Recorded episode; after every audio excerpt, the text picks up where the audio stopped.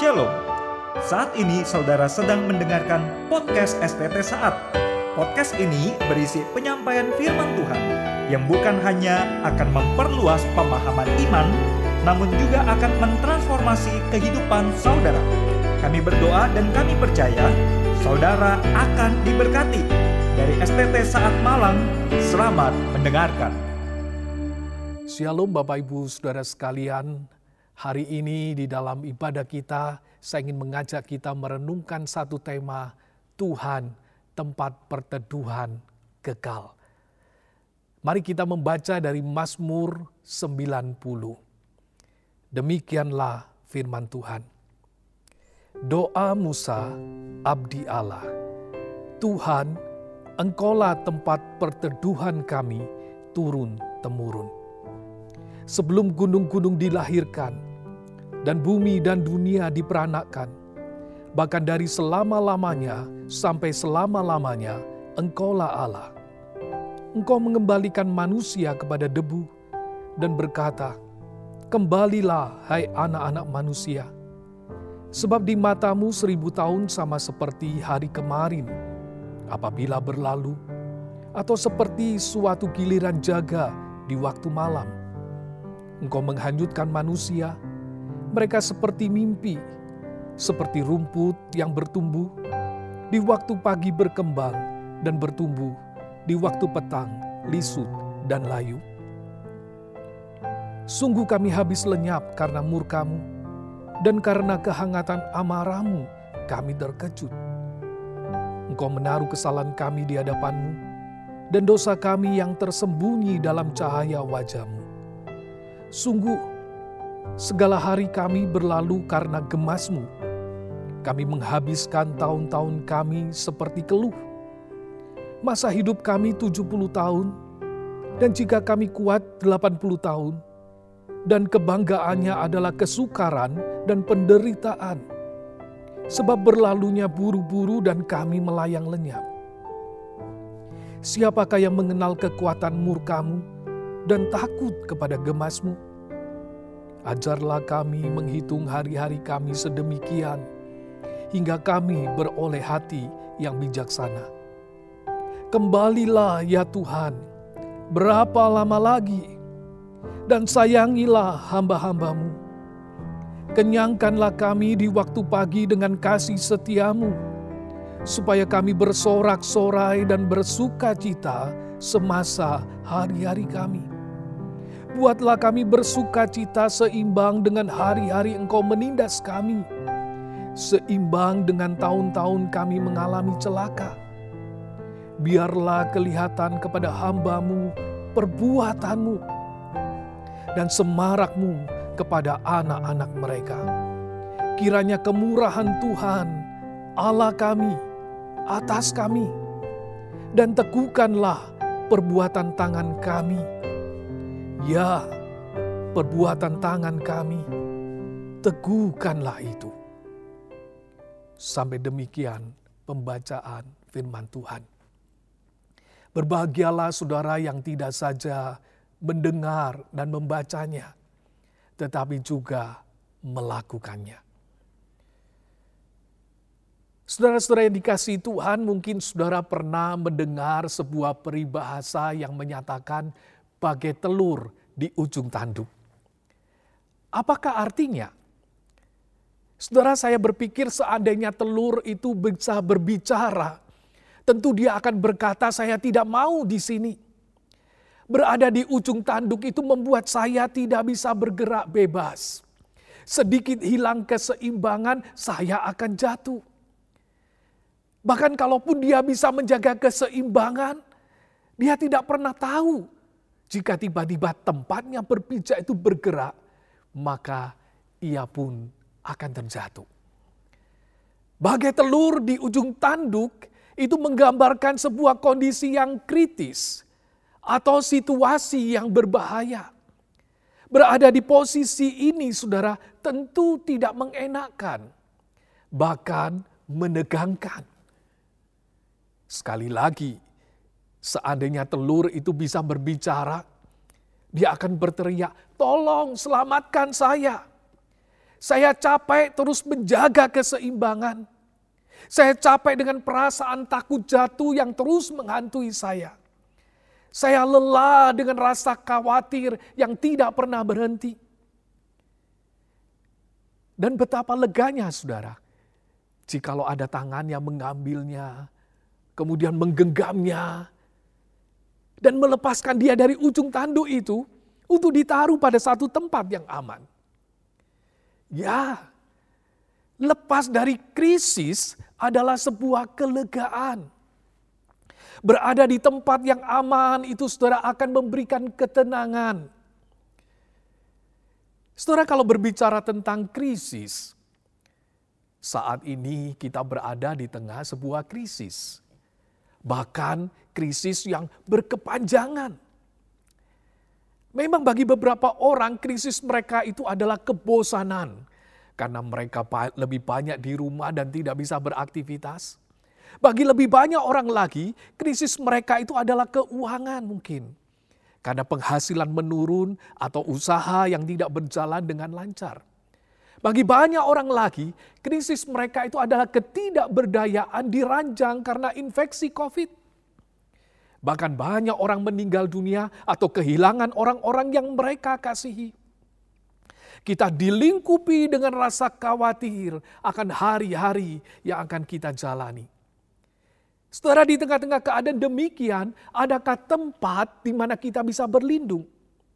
Adakah tempat di mana kita itu bisa merasakan kelegaan? Mazmur 90 yang tadi kita baca adalah doa yang dinaikkan umat saat menghadapi krisis. Doa yang dinaikkan Musa ini menjadi seruan umat saat mereka menghadapi kesusahan. Pada saat kesulitan melanda, mereka dengan sungguh-sungguh menyampaikan pergumulan mereka melalui doa kepada Tuhan. Untuk mencari intervensi Tuhan dan mencari pembebasan dari Tuhan. Namun saudara, lebih dari sebuah kelepasan dari krisis, Mazmur ini mengajak umat untuk melihat betapa rentannya manusia itu. Mengapa saudara? Pemasmur ini menyatakan bahwa hidup manusia di dunia itu adalah sementara. Tetapi manusia yang sementara ini harus berhadapan dengan kekekalan di depan mereka. Ayat 3 itu menyatakan engkau mengembalikan manusia kepada debu dan berkata, "Kembalilah hai anak-anak manusia." Manusia itu pada akhirnya akan mati.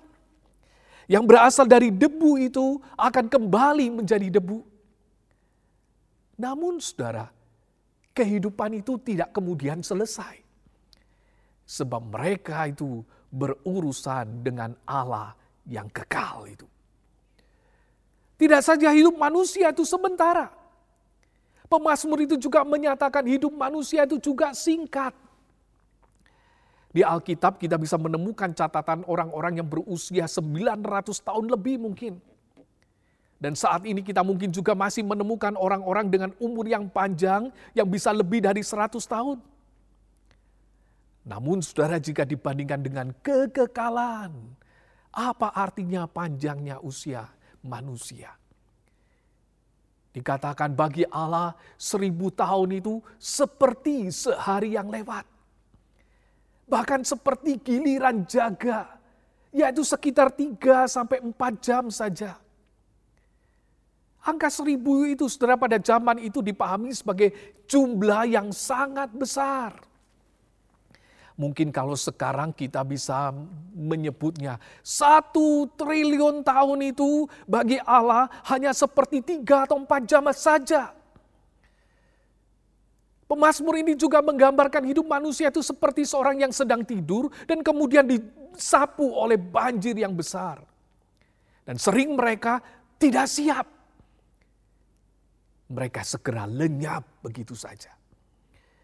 Hidup manusia itu digambarkan seperti rumput yang segar pada pagi, tapi kemudian dipotong dan segera layu sebelum malam itu tiba. Betapa singkatnya hidup manusia itu. Bukankah tanpa disadari itu juga yang kita rasakan, saudara? Coba saudara pikirkan, kalau kita menengok ke belakang, kadang kita merasa waktu itu bukankah berjalan terlalu cepat. Anak yang kita gendong-gendong sekarang kemudian sudah menggendong anaknya sendiri. Kalau kita perhatikan sekolah yang kita pikir waktunya itu begitu panjang, ternyata kita lewati begitu cepat. Karena itu Yakobus pasal 4 ayat 14 itu menyatakan hidupmu itu sama seperti uap. Sebentar saja kelihatan lalu lenyap. Setelah tidak berhenti sampai pada kesementaraan dan singkatnya hidup manusia, pemazmur itu juga menyatakan bahwa hidup manusia itu sulit. Karena dosa mereka yang menyebabkan murka Allah itu menaungi mereka. Manusia harus jatuh bangun di dalam natur dosanya. Rasa bersalah di dalam diri ini terus mengejar dan mereka tidak bisa bersembunyi. Mereka pun harus mengalami penderitaan sebagai bagian dari hukuman Allah itu. Sampai-sampai pemazmur itu menyimpulkan bahwa hidup manusia itu penuh dengan keluhan. Saudara, bukankah itu yang saudara rasakan juga? Saudara senang bisa masuk sekolah, tetapi di sana saudara akan mengeluh. Saudara senang dapat pekerjaan atau usaha saudara itu berjalan baik, tapi di situ pun saudara akan mengeluh, bukan? Saudara senang bisa menikah, tetapi di pernikahan itu pun saudara akan mengeluh. Saudara senang bisa punya anak, tetapi di situ pun saudara akan mengeluh. Bahkan di dalam kesuksesan yang kita raih, kadang kita juga menutup dengan keluhan. Apalagi hari-hari ini, kita juga mengeluh dengan situasi yang menekan kita. Karena itu ayat 10 itu menyatakan sebuah kesimpulan. Masa hidup kami itu 70 tahun. Dan jika kami kuat 80 tahun, dan kebanggaannya adalah kesukaran dan penderitaan, sebab berlalunya buru-buru dan kami melayang lenyap. Saudara, gambaran ini adalah kondisi normal. Jika kondisi seperti saat ini, mungkin dengan gentar kita itu memandang ke depan. Bisakah 70 tahun? Bisakah 80 tahun?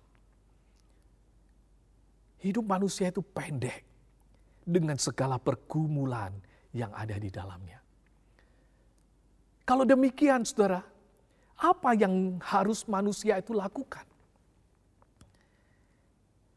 Pemasmur ini mengajak kita menyadari bahwa kita itu sedang berurusan dengan Allah yang tidak bisa kita permainkan.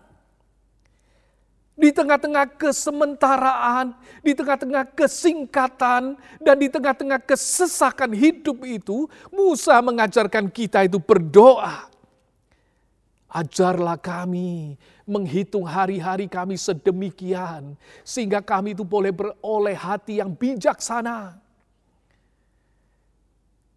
Seorang penafsir memaknai ayat ini dengan menyatakan, Tuhan Ajarlah kami untuk menghitung setiap hari. Untuk merenungkan satu fakta.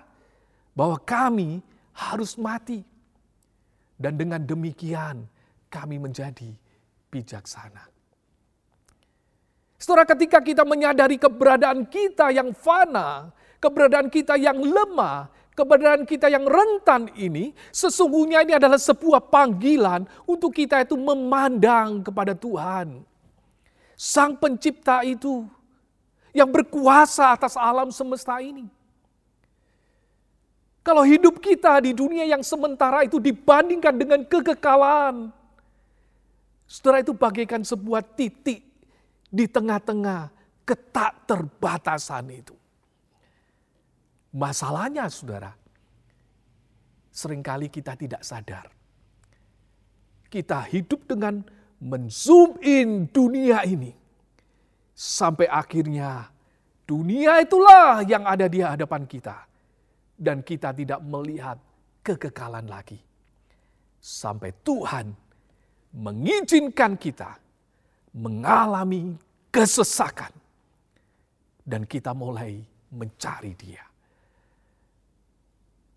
Pandemi setahun setengah terakhir ini, saudara, tanpa disadari membuat orang menyadari betapa rentannya hidup manusia itu. Bahkan betapa tidak berdayanya manusia menghadapi makhluk kecil yang disebut virus itu. Di tengah-tengah tekanan ini, menarik saudara ada satu penemuan yang diperoleh dari Google. Dicatat saudara memang selama tahun 2020 melalui mesin pencari Google ditemukan banyak orang mencari info tentang virus corona mencari info tentang COVID-19. Namun, saudara, ada satu hal yang menarik, yaitu bahwa ketika sedang tidak mencari info tentang COVID, didapati bahwa pengguna Google itu jadi sering menelusuri kata kunci Tuhan. Di tengah-tengah situasi yang tidak menentu ini orang mulai mencari Tuhan.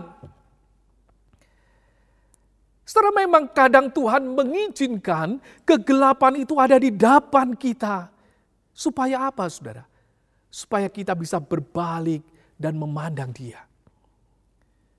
Kadang Tuhan mengizinkan kita itu berada di dalam keadaan yang tidak berdaya. Supaya kita itu mengulurkan tangan kita kepadanya. Dan menantikan pertolongannya. Mazmur ini saudara dibuka dan ditutup dengan berita tentang Tuhan. Musa membuka Mazmurnya dengan menyatakan, Tuhan, engkaulah tempat perteduhan kami turun-temurun. Di dalam terjemahan lain dikatakan, Tuhan engkaulah tempat perteduhan kami dari generasi kepada generasi. Setelah kalimat ini tidak saja menyatakan sebuah teori, tetapi juga hasil pengamatan. Bahwa dari dulu, sejak awal dunia ini, Tuhan itu menjadi tempat perteduhan umat yang dapat diandalkan. Tidak saja bagi para nenek moyang itu, tetapi juga dari generasi kepada generasi. Setelah kata tempat perteduhan itu dapat disebut juga sebagai tempat perlindungan. Kata itu juga dapat dimengerti sebagai rumah. Artinya apa saudara? Tuhan itu menjadi rumah mereka. Di dalam Tuhanlah mereka itu mendapatkan perlindungan. Di dalam Tuhan mereka mendapatkan ketenangan. Setelah sebuah gambar yang ada di sebelah saya ini mungkin pernah saudara lihat. Lukisan yang berjudul Damai di Tengah-Tengah Badai. Ini merupakan salah satu lukisan yang populer. Saudara dapat menyaksikan gambaran badai dan kegelapan yang memenuhi kanvas lukisan ini. Dan tentu menjadi satu pertanyaan, di manakah letak damainya? Rupanya saudara, ada satu bagian di mana sang pelukis itu menempatkan sosok kecil burung yang tenang di sarangnya. Itulah letak damai dari lukisan ini. Mengapa burung itu bisa tenang? Karena ia berada di sarangnya. Ia ada di rumahnya. Saudara, sebagian besar binatang-binatang itu membangun sarang sesuai dengan jenisnya masing-masing. Dan mereka menaruh sarangnya pada tempat-tempat tertentu di mana mereka bisa berlindung di sana dan melindungi anak-anak mereka. Bukankah kita pun membangun rumah itu untuk tempat kenyamanan? Bahkan juga menjadi tempat keamanan di mana kita juga ketika masuk di dalamnya kita merasakan kelegaan kita merasakan tenang di sana. Setelah ketika Tuhan dikatakan tempat perlindungan, artinya ketika badai itu datang, kita itu bisa berlari dan kemudian berlindung kepadanya. seorang yang bernama Anthony Showalter adalah seorang guru musik yang memiliki banyak murid di berbagai daerah di Amerika. Suatu hari di tahun 1887, ia mendapatkan surat dari dua orang mantan muridnya.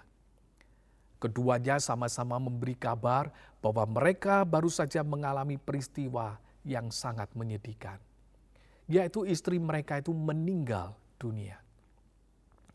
Kedua peristiwa kedukaan ini terjadi secara bersamaan di tempat yang berbeda.